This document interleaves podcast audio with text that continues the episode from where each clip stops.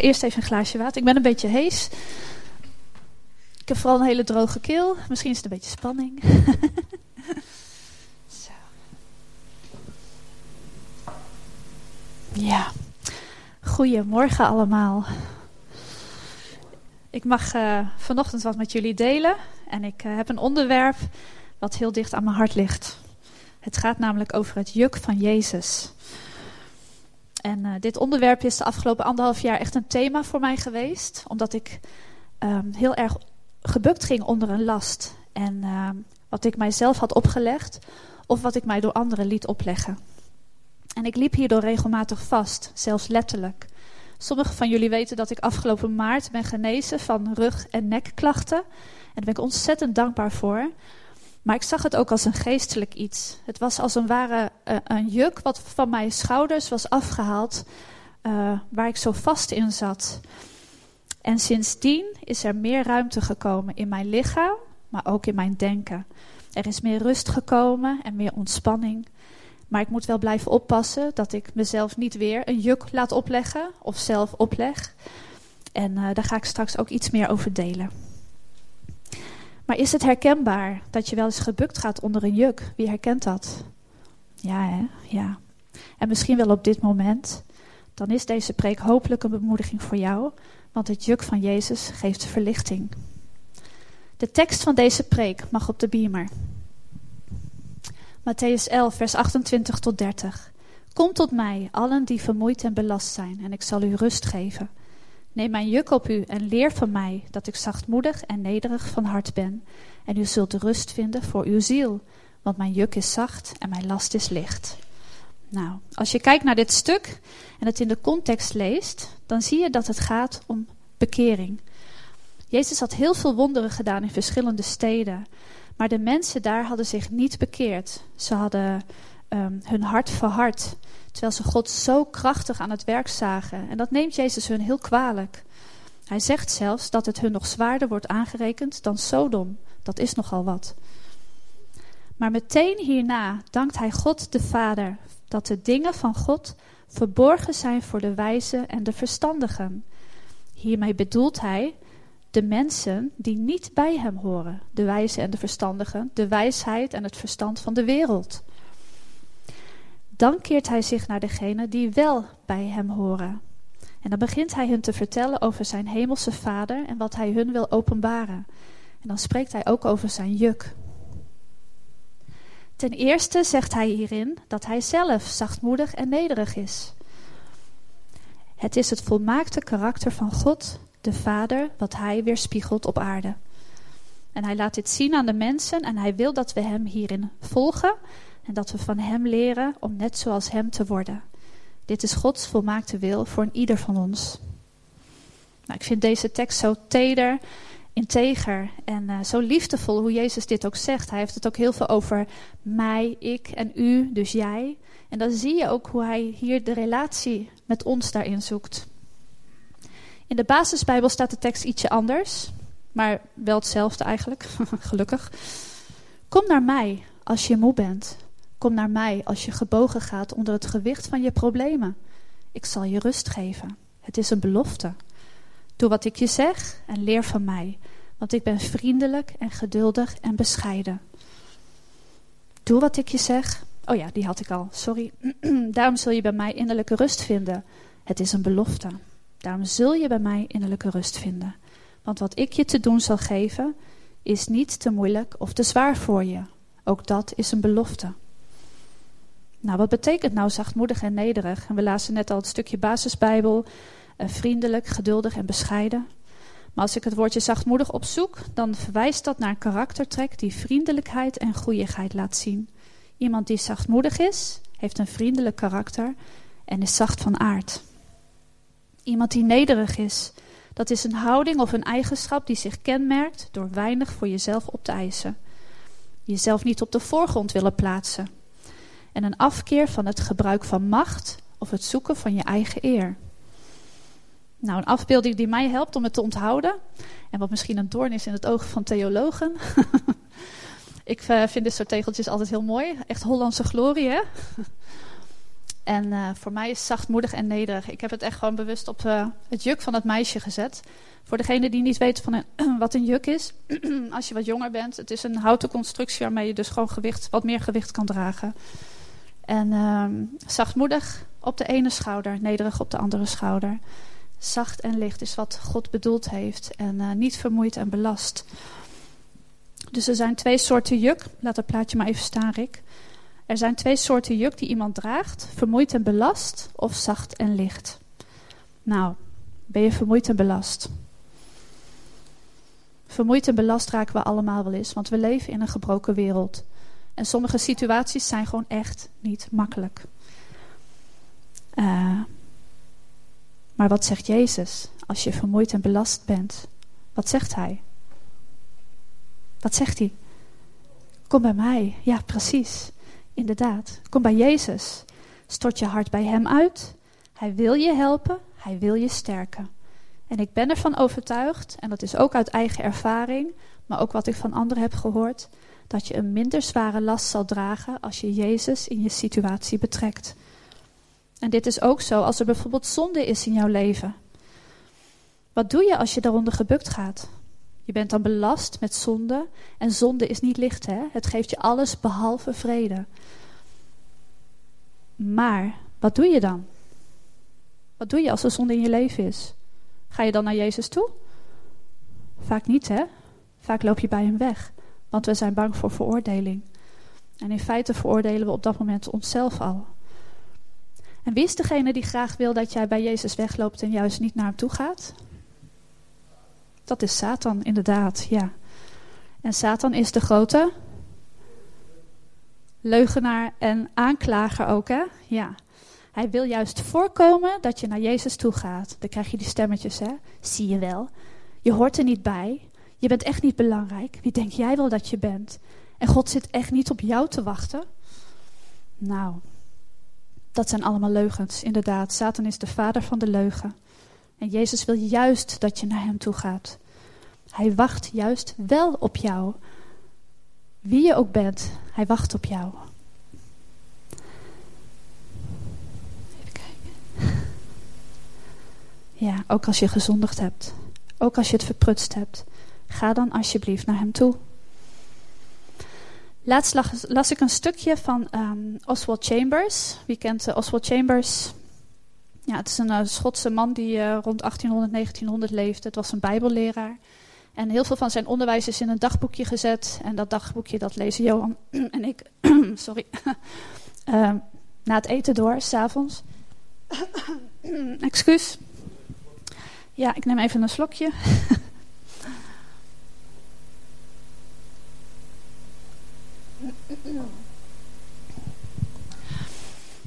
En um, een van die stukjes van Oswald Chambers in dat dagboekje, dat ging over het bij Jezus komen en waarom dat zo ontzettend moeilijk kan zijn. En ik vond dat wel wat confronterend. En een van de dingen die hij zei, wat uh, jou kan tegenhouden om bij Jezus te komen, is trots. Het zelf willen oplossen, niet willen toegeven dat je het niet kan. Trots kan een enorme blokkade zijn. Maar zet je trots opzij. Kies ervoor. Hè? Het is ook een keuze. Deel je last, deel je vermoeidheid, deel je zonde, deel je trots met Hem. Hij weet het toch wel. Waarom zou je weglopen als Hij de enige is die jou kan helpen? En ik moet het ook tegen mezelf zeggen. Maar waarom zou je het zelf proberen als Hij het beter weet? Kies je ervoor om naar Jezus toe te gaan. Hij wil jou niet veroordelen, Hij wil je helpen en Hij wil je ervan vrijzetten. En als je die weg gaat naar Jezus, dan wordt dat vermoeide en belaste juk van je afgehaald en dan krijg je er zijn juk voor in de plaats. Een ander juk, een zacht juk die niet zwaar is. En hij gaat je dan leren om, hoe daarmee om te gaan. In 1 Petrus 5 vers 7 staat: Gooi alles waar je je zorgen over maakt maar in Gods handen, want hij zorgt voor jou. Dit is ook bij Jezus komen. Gooi je rommel, je problemen, je trots, je zonde. Gooi het naar hem toe. Hij kan het hebben en hij wil je helpen. Nou, hoe doe je dat zachtmoedig en nederig? Nou, persoonlijk, voor mezelf. Ik kan getuigen dat ik echt daardoor meer tot rust ben gekomen door bij Jezus te komen. Ik liet me in het verleden zo ontzettend makkelijk opjagen. Ook wat ik eerder vertelde, hè, dat juk wat ze op mij drukte. En ik zette mijzelf dus ook veel onder druk. En ik wilde ook altijd in het middelpunt van de belangstelling staan. Zie mij, erkenning zoeken, heel veel bij mensen. En ik geloof echt dat God me ook beschermd heeft tegen mijzelf hierin. Door mij niet de plek te geven die ik zo graag wilde. En mijn zucht in, naar erkenning is de laatste zoveel jaar meer gaan verschuiven in het erkenning zoeken bij God. En dat heeft me echt rust gegeven. Hoe doe je dat nou, hè? Zachtmoedig en nederig? Nou, zodra je deze tekst uit Matthäus 11 echt wil gaan toepassen in je leven, dan word je op een ochtend wakker en dan ben je vanzelf zachtmoedig en nederig. nee, hè? Nee, uh, helaas niet. Ik wou zeggen gelukkig niet, maar ik weet het niet. maar je gaat dan een weg in met Jezus samen, en de nadruk op samen, waar je met vallen en opstaan leert wat zachtmoedig en nederig zijn betekent in jouw dagelijks leven. Dus ook in de meest ogenschijnlijk onbelangrijke dingen. Het gaat om je houding. Nou, ik kan nu allerlei voorbeelden gaan opnoemen hoe nu zachtmoedig en nederig eruit zou kunnen zien, maar ik wil het eigenlijk zo dicht mogelijk bij Gods woord houden. En daarom lees ik een aantal praktische Bijbelversen voor die wijzen op een karakter van zachtmoedigheid en nederigheid. Dus hier een aantal praktische tips. In het hele stuk van Romeinen 12 omschrijft Paulus een karakter van zachtmoedigheid en nederigheid. Het is een hele lap tekst en we gaan hem samen doorlezen. Ik had eerst een aantal Bijbelversen apart en toen had ik zoiets van waarom heb ik niet de hele tekst? Dus ik doe de hele tekst. Dus uh, geduld AUB. God is liefdevol en goed. Daarom moedig ik jullie aan, broeders en zusters, om jezelf aan God te geven. Geef jezelf als een levend en heilig offer waar God blij mee is. Het is goed om God op die manier te dienen. Jullie moeten niet meer op dezelfde manier leven als de ongelovige mensen, maar leven als nieuwe mensen, doordat jullie op een nieuwe manier gaan denken, namelijk op Gods manier. Dan zullen jullie ook anders gaan leven. Dan zullen jullie weten wat Gods wil is en alles wat Hij wil is goed, mooi en volmaakt. God heeft mij de taak gegeven om jullie geloof op te bouwen. Daarom zeg ik tegen jullie allemaal: vind jezelf niet belangrijker dan je bent. Wees bescheiden. Gedraag je op een manier die past bij de hoeveelheid geloof die God jou op dit moment heeft gegeven. En die hoeveelheid is bij iedereen verschillend. Je zou het zo kunnen zeggen: één lichaam heeft veel lichaamsdelen. En die lichaamsdelen doen niet allemaal dezelfde soort werk. Zo zijn wij ook met elkaar één lichaam in Christus. We zijn allemaal verschillende lichaamsdelen van dat ene lichaam. We hebben allemaal van God verschillende gaven gekregen. En voor elke gave geeft God ons zijn hulp. Wie de gave heeft gekregen om te profiteren, heeft de gave gekregen afhankelijk van de hoeveelheid geloof die hij heeft. Wie de gave heeft gekregen om andere mensen te dienen, krijgt Gods hulp om te dienen. En wie de gave heeft gekregen om les te geven in het woord, krijgt Gods hulp om les te geven. En wie de gave heeft gekregen om andere gelovigen aan te moedigen in het geloof, die krijgt Gods hulp om dat te doen. En wie de gave heeft gekregen om te geven, krijgt Gods hulp om dat bescheiden te doen. Wie de gave heeft gekregen om leiding te geven, krijgt Gods hulp om daar ook zijn uiterste best in te doen. En wie de gave heeft gekregen om andere mensen te helpen, krijgt Gods hulp om dat blij te doen. Jullie liefde moet echt zijn. Heb dus een hekel aan het kwaad en doe je best om te doen wat goed is. Houd als broeders en zusters van elkaar. Laat zien dat je respect hebt voor elkaar. Wees daarin een voorbeeld voor elkaar. En word niet lui in het dienen van de Heer, maar dien hem vol vuur. Wees blij over de dingen die nog zullen komen en wees geduldig als je wordt vervolgd. Stop nooit met bidden en geef aan de gelovigen wat ze nodig hebben. Wees gastvrij.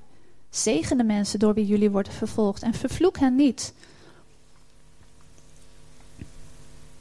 Even kijken. Ja, leef mee met de andere mensen, of ze nu blij of verdrietig zijn. Wees één met elkaar. Verlang niet naar steeds belangrijkere taken, maar wees ook tevreden met eenvoudige taken. Wees niet eigenwijs. Als iemand jullie kwaad doet, doe dan niet iets kwaads terug. Wees voor ieder mens goed en doe ook zoveel mogelijk je best om met alle mensen vrede te houden. Straf mensen niet zelf voor wat ze jullie aandoen, maar laat dat aan God over. Want er staat in de boeken: Laat het aan mij over om te straffen. Ik zal hun geven wat ze hebben verdiend, zegt de Heer. Dus als je vijand honger heeft, geef hem dan te eten. En als hij dorst heeft, geef hem dan te drinken. Want daardoor zal hij zich diep gaan schamen over het kwaad wat hij je heeft aangedaan. Laat je niet overwinnen door het kwaad, maar overwin het kwaad door goed te doen. Nou, dat is echt een hele tekst en het is ook echt een hele lijst met allerlei voorbeelden. En we kunnen dit niet vanuit onszelf, hè? begrijp dat goed. We hebben hier de Heilige Geest voor nodig. En deze tekst staat vol met zachtmoedigheid en nederigheid. En ik wil je aanraden, als je wil, voel je vrij om Romeinen 12 thuis nog eens door te lezen. Maar valt het je op dat zachtmoedigheid en nederigheid vooral gericht is op God en op de ander? Je leert wegkijken van jezelf en alleen maar gericht te zijn op wat jij zelf nodig hebt. En begrijp me goed, het kan soms voor een tijd goed zijn om aan jezelf te werken. Maar je leert de ander te zien zoals Jezus hen ziet. En dit is een leerproces en dat gaat je leven lang door. En dat is helemaal niet erg. Dit is ook de vervulling van de wet van God. Zijn geboden, die tien geboden. Dat je leert om de ander lief te hebben. En als je zijn geboden leest, dan zie je dat heel veel gaat om het zien van de ander en om God te kennen zoals Hij het heeft bedoeld. Nou, zoals ik al zei, er is dus een juk van vermoeid en belast en een juk van zacht en licht, oftewel zachtmoedig en nederig. Er is nog een juk en er zijn waarschijnlijk meer jukken, maar ik heb maar een half uur, dus. Dat is het juk van religie. Galaten 5 vers 1. Laat je niet weer een slavenjuk opleggen. Je hebt nu een stuk uitleg gekregen over het juk van Jezus. En het is zo belangrijk om voor ogen te houden dat zijn juk zacht is, licht. Het is namelijk heel gemakkelijk dat dit juk verwordt tot een zwaar en een hard juk. En dan komt het juk van religie op je schouders. Religie is wanneer er druk wordt uitgeoefend op je.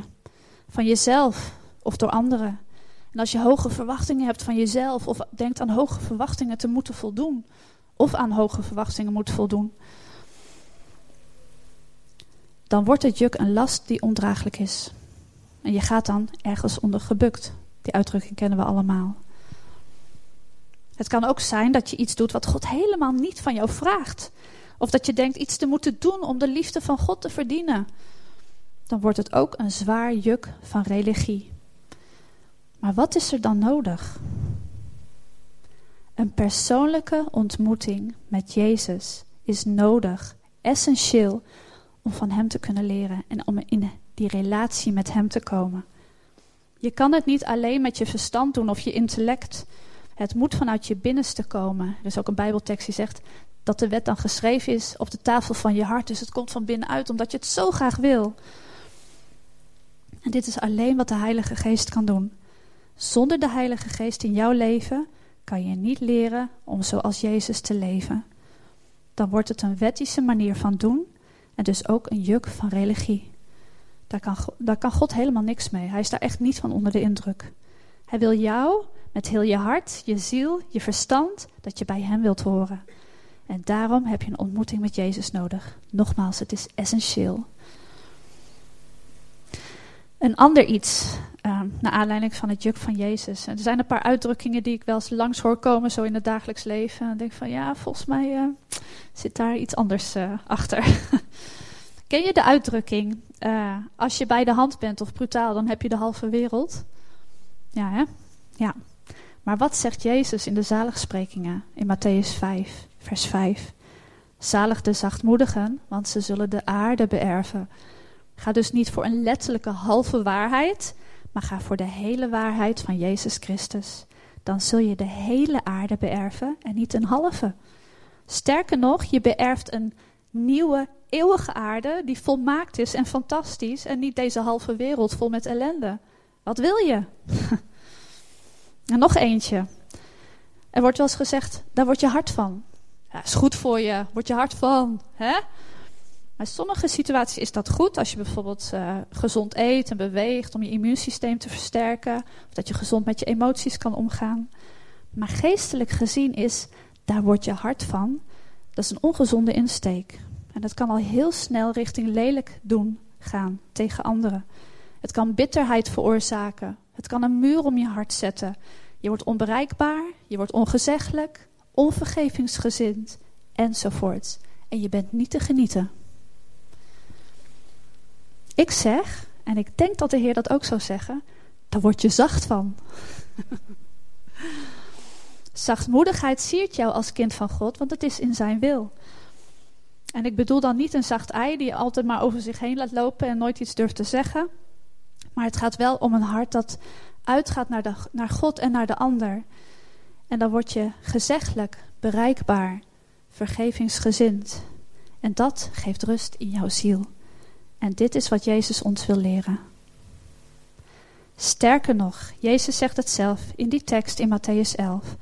Als je zachtmoedig en nederig leert te worden, zal je steeds meer innerlijk tot rust komen.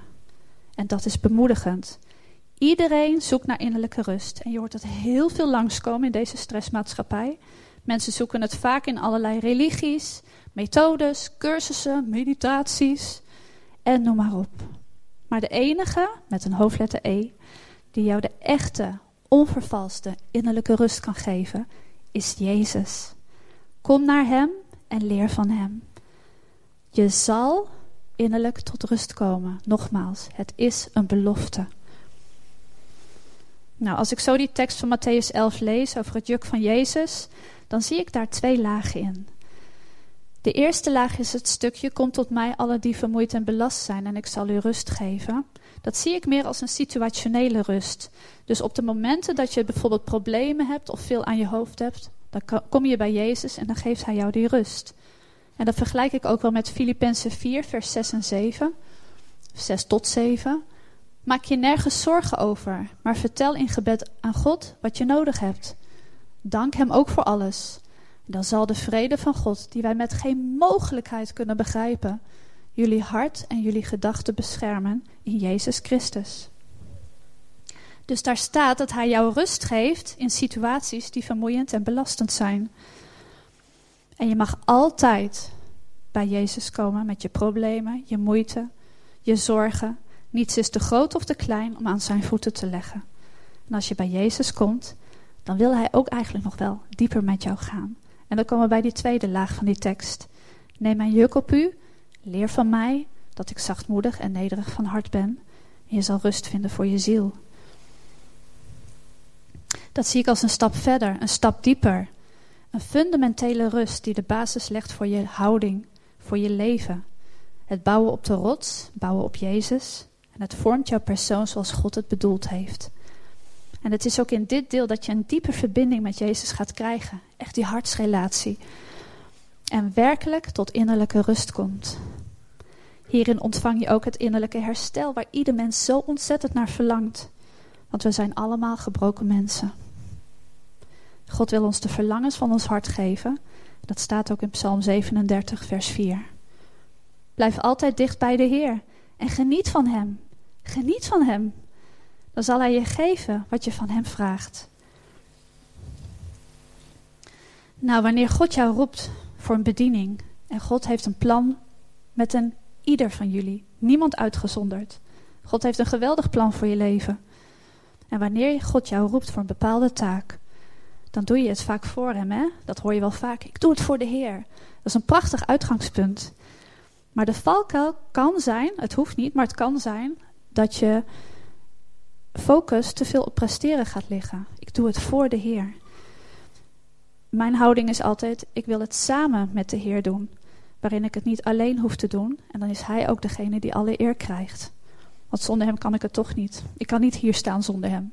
Ik had nooit, nooit gesproken als Jezus het niet had gedaan. Dus ik durfde me nooit uit te spreken. maar dan wordt het juk dus zacht en licht. En dan hoef je het ook niet meer zo van jezelf te verwachten als je het samen met hem doet. Een plaatje op de beamer. Dat, uh, ja, twee ossen met een juk. Ze ondersteunen elkaar. Ze kunnen een zwaardere last dragen samen. De ene os is Jezus, de andere os, dat ben jij. En dat is niet beledigend bedoeld. Maar het is wel een heel mooi gelijkenis. Ja. Dus je hoeft zijn juk niet in je eentje te dragen, maar draag het samen met Jezus. Kom naar Hem en leer ook van Hem. Nou, tot slot. De conclusie die ik hier zelf heb uitgetrokken is dat het dus gaat om bekering, het kiezen om bij Jezus te komen en om een fundamenteel vertrouwen op God te krijgen. Het gaat om jouw wil. Wil je Hem volgen? Wil je van Hem leren? Spreuken 3, vers 5 staat: Vertrouw op de Heer met heel je hart en steun niet op je eigen inzicht. Je eigen inzicht is vanuit je vlees, je eigen wijsheid. We lazen net nog in Romeinen 12: Wees niet eigenwijs. God wil dat we vanuit het inzicht door de Heilige Geest gaan leven. Leer te vertrouwen op God en vanuit Zijn karakter te leven. Door te kijken naar Jezus, naar Hem toe te gaan en te luisteren naar Hem. En ik kan je verzekeren, dan wordt jouw juk zacht en jouw last wordt licht. En dit geeft werkelijk innerlijke rust. En misschien raakt het je wel, wat ik heb gedeeld. Of ervaar je nu een zwaar juk? Of heb je het gevoel dat je aan allerlei hoge verwachtingen moet voldoen? Of wil je wel graag bij Jezus komen, maar ervaar je een blokkade? Of misschien wil je opnieuw vervuld worden met de Heilige Geest. Kom dan zo meteen naar voren. Dan gaan we met je bidden. En dan bidden we dat Hij jou van zijn juk gaat geven. Een juk wat zacht en licht is. En dat je ook door dat juk innerlijk tot echte rust zal komen. Amen.